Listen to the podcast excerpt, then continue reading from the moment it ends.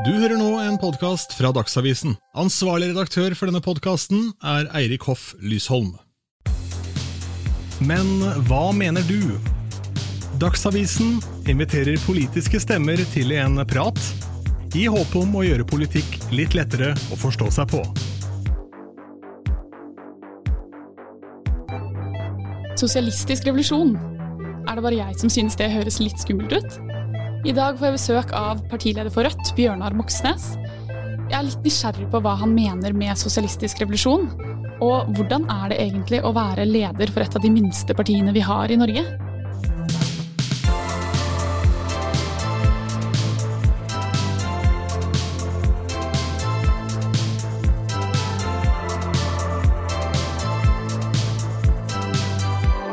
Hei og velkommen til Bjørnar Moxnes. Du er jo partileder for eh, Rødt, og jeg har hørt at dere krever eller ønsker dere en sosialistisk revolusjon. Og så syns jeg det egentlig høres litt skummelt ut. Ja. Kan ikke du forklare meg litt hva, hva, dere mener med det, eller hva det betyr? At vi ønsker eh, grunnleggende forandringer i samfunnet, men det, det skal jo skje på demokratisk og fredelig vis. Eh, men vi tenker at det, å bare flikke på et system, altså kapitalismen, som samler så mye rikdom og makt på så få hender, Eh, egentlig en helt sånn pervers forskjellsverden vi ser rundt oss, hvor eh, de rikeste eier like mye som hele nasjoner. Det må endres grunnleggende, og det vi mener er riktig, er at eh, demokratiet også må styre over økonomien, som i dag er styrt i hovedsak av den øverste, rikeste promillen. Og det er det vi kaller sosialisme et sånt samfunn. Så det er ikke mer hokus pokus enn det, i grunnen. Du kom jo også inn på kapitalisme. Og jeg lurer litt på både kommunisme og kapitalisme. Hva er egentlig det, og betyr det det samme i dag som det gjorde for mange år siden? Kapitalisme er vel et økonomisk system, eh, først og fremst, hvor eh, noen i kraft av å, eh, av å eie har rett til å tilegne seg det som skaper seg verdier. Og det ser vi jo konsekvensen av ved at vi nå har ulikheter som er på, på nivå med 1800-tallet, altså før egentlig arbeiderbevegelsen oppsto. Der er vi i Norge nå etter 30 år hvor eh, skiftende regjeringer har sluppet eh, markedet fri. Da. Så kapitalisme er et system som både skaper veldig mye vekst, men også veldig mye ulikhet. Mens med kommunisme menes vel et klasseløst samfunn hvor ikke, hvor ikke, rikdom og makt går i arv, eh, men hvor det er mye mer likebyrdige forhold mellom folk. Så de er egentlig to motpoler, da, eller? Ja, de er jo motpoler, motpoler ja. Mm. Men kan du ikke også forklare meg litt sånn kort og enkelt deres politikk, da? Eller hvordan vil Rødt at samfunnet i Norge skal være? Mye mer rettferdig.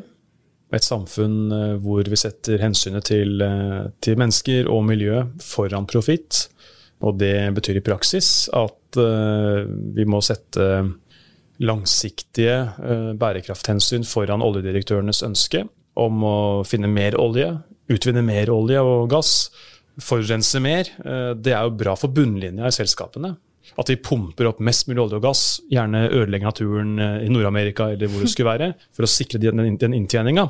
Men for eh, samfunnet vårt og for miljøet så er det katastrofalt. Så det betyr jo å stille egentlig folkelig demokratisk makt opp mot pengemakt. Og det i praksis betyr det at vi gjennom Stortinget vi må bli sterkere på Stortinget, vi må få en, en stor koalisjon som ønsker å sette andre hensyn foran enn de som har fått råde i mange tiår nå. Eh, hvor rike og mektige dessverre har fått lagt premissene for samfunnsutviklinga. Det har gått så langt at nå sier innbyggerne at den viktigste saken for, dem er jo å få gjort noe med de økende forskjellene. Der er vi nå i 2021. At det har blitt så store forskjeller at uh, det store flertallet syns nok er nok. Og da er jo min påstand at det ofte blir bare prat så for å få gjort noe med Forskjells-Norge, så mener jeg at vi trenger en, eh, et rekordvalg for Rødt, så vi kan presse en ny regjering til å føre en mer rettferdig politikk. Hvis dere skulle få makten, da, hva konkret kommer dere til å gjøre for å gjøre Forskjells-Norge mindre, mindre, ja, rett og slett?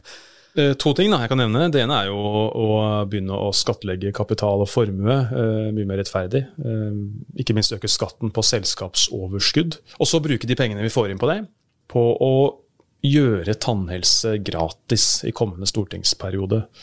Tennene er ikke en del av kroppen, iallfall behandles det ikke som det i dag. Eh, for hvis du faller eh, når du går ut av studio og knekker armen, så får du jo dekka det, eh, den operasjonen. Men hvis du slår tenna i samme slengen, så kan du få en kjemperegning. Og vi veit at de som har dårlig råd, de, de dropper tannlegen.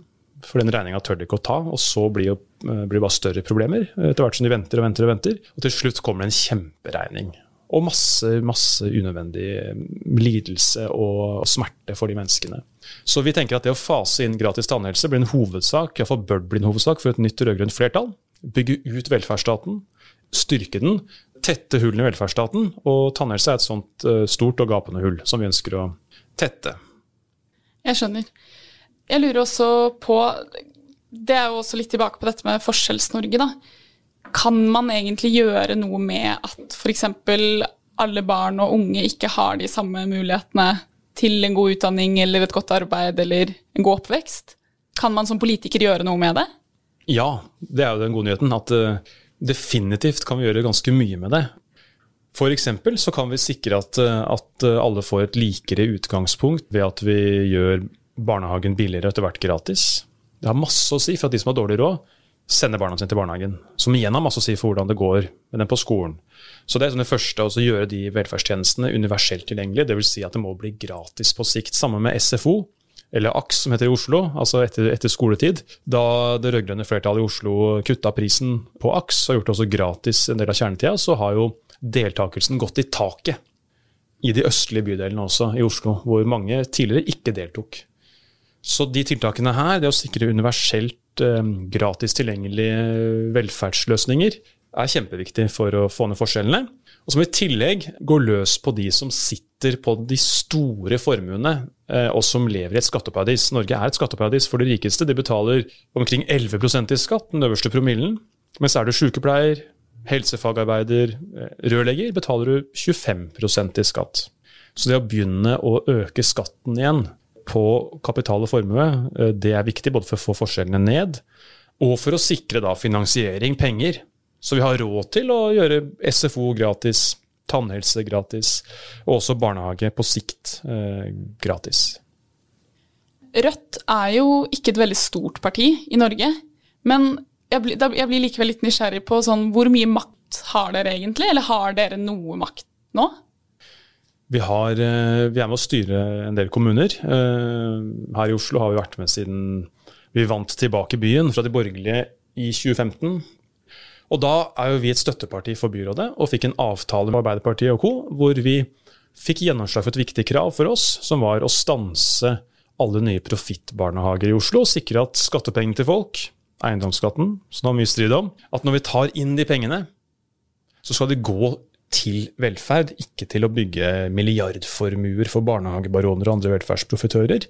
Og det starta jo en, en, bølge av vedtak i kommuner landet rundt for å stanse velferdsprofitørene. Og det har nå blitt en nasjonal sak. Det var Rødt som jo fremma mistillitsforslaget mot Sylvi Listhaug, som at hun måtte gå av. Så vi fikk jo felt eh, henne som justisminister på en sak som var viktig prinsipielt for å sette ned noen eh, sånne grensestolper for hva en justisminister kan påstå om andre partier. Hit, men ikke lenger, var det vi markerte når hun måtte gå av. Men eh, velferdsprofitt, dere vil gjøre et oppgjør med profitt i velferden. Hva betyr det egentlig? Det betyr at vi vil gjøre slutt på det vanvittige opplegget som er nå, hvor milliarder av kroner bevilges eh, til barnevern, til barnehager, eldreomsorg. Og så sitter det noen kommersielle eiere eh, og har lov til, fått lov av Stortinget, til å pumpe penger ut av sykehjem og barnehager og barnevern og putte dem i sin egen bankkonto eller hvor det skulle være. Så fundamentalt brudd med den norske egentlig, velferdsmodellen. Ok, dere kan drive business i det private næringsliv, men ikke drive business på bestemor. Vi vil ikke at noen skal ta skattepengene ut av velferden. De skal gå hver krone skal gå til det beste for brukerne og for de som jobber i tjenestene, ikke til privat uh, profitt. Det er formålet vårt. Jeg lurer også litt på bare mer generelt å være politiker. Når er det du ikke er politiker? Hvordan er det spennende mellom å være Bjørnar Moxnes privat og være deg som partileder for Rødt? Er det f.eks. like lett for deg å slenge deg på tolvtrikken som det er for meg? Og hva skjer hvis du har glemt å kjøpe billett? Nei, å Ta trikken er nok like greit, enkelt, men hvis jeg hadde glemt billetten, så kan det fort bli en sak, da.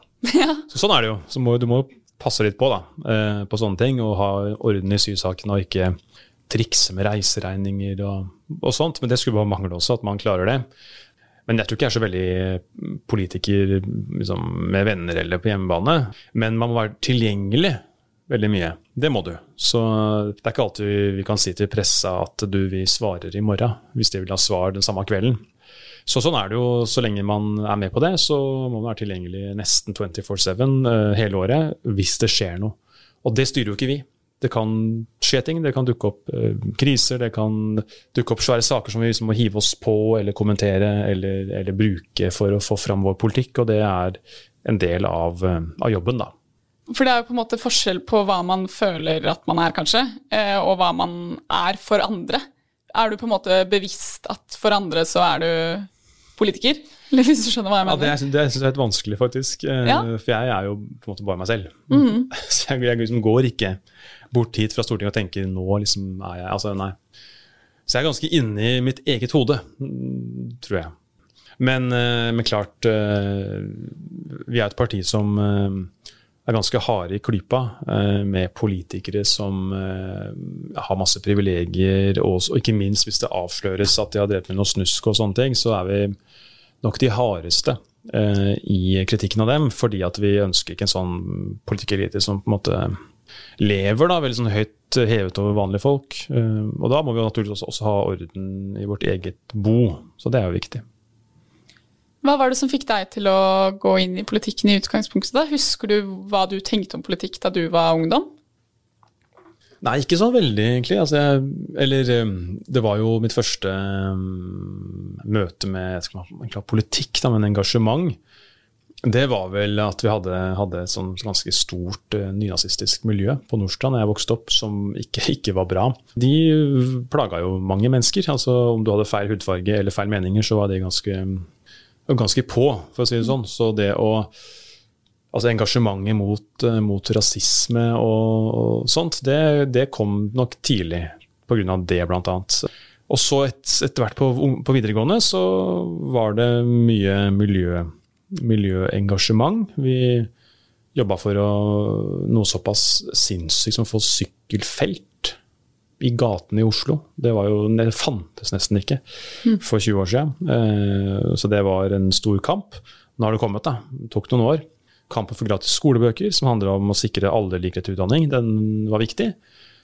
Og så husker jeg at jeg ble engasjert mot altså mot den norske deltakelsen i, i bombing, bombekrigen av, av, Kosovo i 1999, var vel det, sammen med Nato.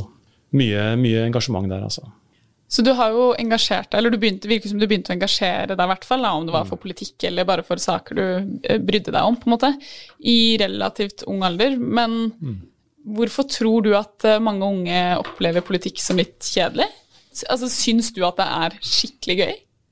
Ja, jeg syns det kan være skikkelig gøy når vi får til ting. Eh, og skikkelig provoserende når vi ikke får til ting. Og eh, ganske irriterende. Så jeg ble veldig engasjert da, av politikk. Eh, fordi det handler jo om, om, hverdagen til folk også. Det handler jo om de som jobber i velferden. De som tar vare på oss når vi blir pleietrengende eller blir syke, eller hva det skulle være. Om de skal ha en levelig arbeidshverdag ha nok kollegaer, eh, få lønn som fortjent. Det handler om ungdom skal kunne skaffe seg en bolig, altså i byen de bor i. Ha råd til det, og så ha en boligpolitikk som gjør at vanlige ungdommer kan få råd til det. Og ikke minst som arbeidstakere. Hvilke rettigheter du har. At ikke du blir utnytta, at du slipper å jakte vakter, at du kan uh, få en fast ansettelse og dermed kunne planlegge ferier. Etter hvert familieliv, få lån i banken til bolig alle som følger med fast ansettelse, og som for veldig mange ungdom i dag er, er en fjern drøm.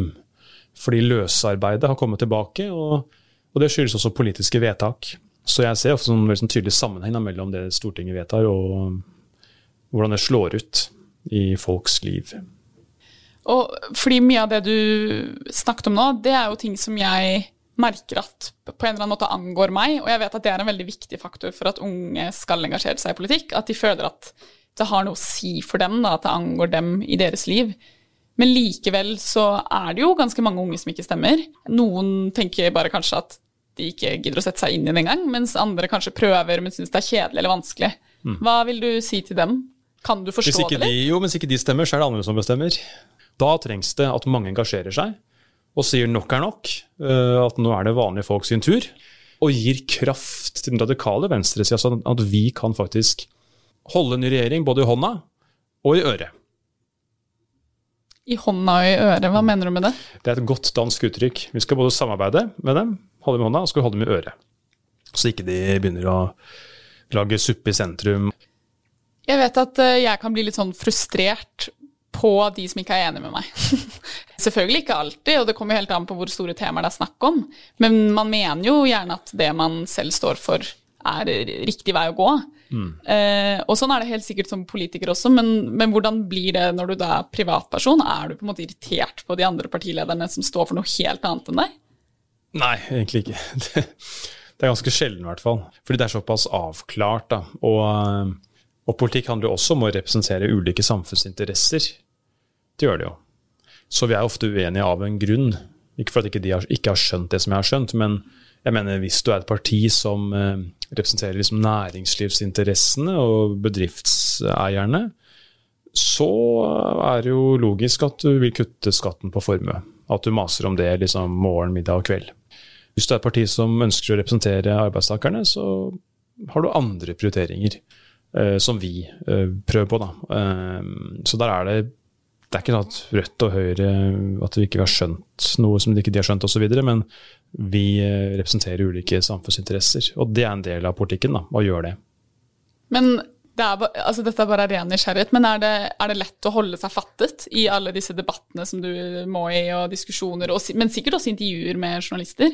Hender det at, at du egentlig får lyst til å bare brøle litt? Ja, altså Det er noen, noen, runder i Stortinget Jeg har holdt meg litt fast i talerstolen, ja. Men, eh, men som oftest går det greit. da. Det er klart Hvis det er saker som, eh, hvor de gjennomfører vedtak, f.eks. når, de, når de forverrer situasjonen for de som går på arbeidsavklaringspenger, altså folk som har blitt syke, ikke kan stå i jobb lenger, og egentlig trenger velferdsstatens hjelp.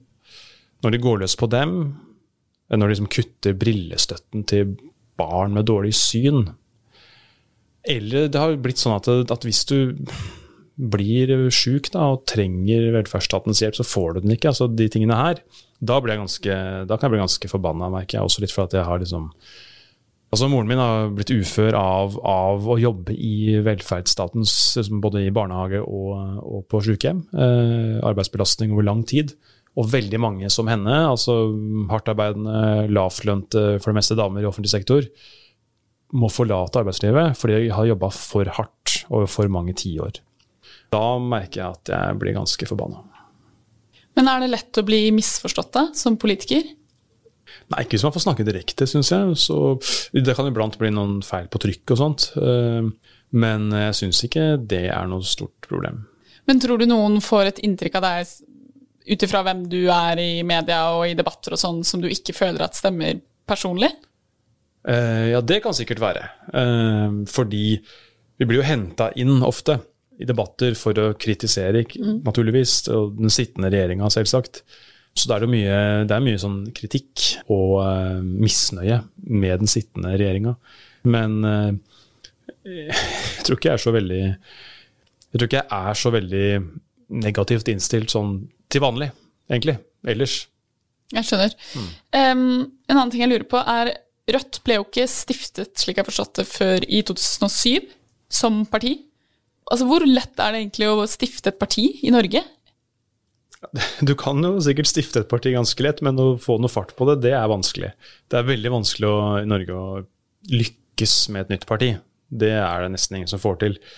Eh, de klarte det med, med SV i 1970-åra, og samme med da Frp.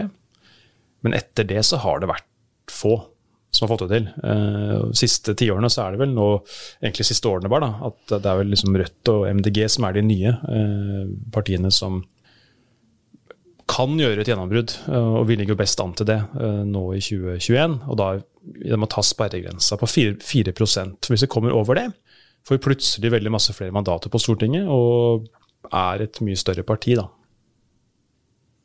Jeg ser at eh, vi må begynne å runde av snart, men jeg lurer litt på én ting. Altså, jeg er jo ung og har jo ikke jobbet som journalist i mange mange år enda, men jeg har jobbet i noen år, eh, og likevel så kan jeg bli skikkelig nervøs før store intervjuer eller før jeg skal gjøre et eller annet viktig. Er det sånn for deg også? Blir du nervøs blir du, selv om du er dreven, på en måte, før en debatt, eller før du skulle møte meg i dag, eller når du skal ha et intervju? I hvert fall før sånn type partilederdebatter, som er veldig sånn avgjørende. I tror man det selv, da. Så er det jo ikke det, da. Men man tenker at det er det som vipper valget. Uh, og da du får kanskje, i hvert fall mindre partier, da, får jo sikkert snakket til sammen i la oss si 90 eller 120 sekunder i løpet av denne debatten. Ikke sant? det er jo ikke avgjørende, men det føles jo sånn, da, for det er så mye prestisje rundt det. Så da, da, kjenner jeg det jo. Men ellers til vanlige intervjuer, journalister er jo som oftest hyggelige og flinke folk, de. Så det, det er jo mest å bare prøve å få fram budskapet og, og få formulert det på en måte som gjør at folk forstår det. Det er det viktige. Og det er jo litt et samarbeid også, da. at uh, Som oftest vil jo, vil jo, ikke avisene ønske å, å en framstille oss helt feil. For det, jo, det ikke, hjelper jo ingen, liksom. De vil jo la oss fortelle hva vi står for, hva vi mener er problemet med en, eller annen reform fra regjeringa, og hva vi mener er løsningene, eller hva som må gjøres av endringer. Men uh, hvis man har hvilepuls hele tida, da bør man kanskje gjøre noe annet, for da er det jo ikke noe engasjement igjen heller. Det er notert. Tusen takk for at du kom i dag. Det var veldig hyggelig å ha deg her, og interessant å høre deg prate. Ja, takk for det. Og godt valg.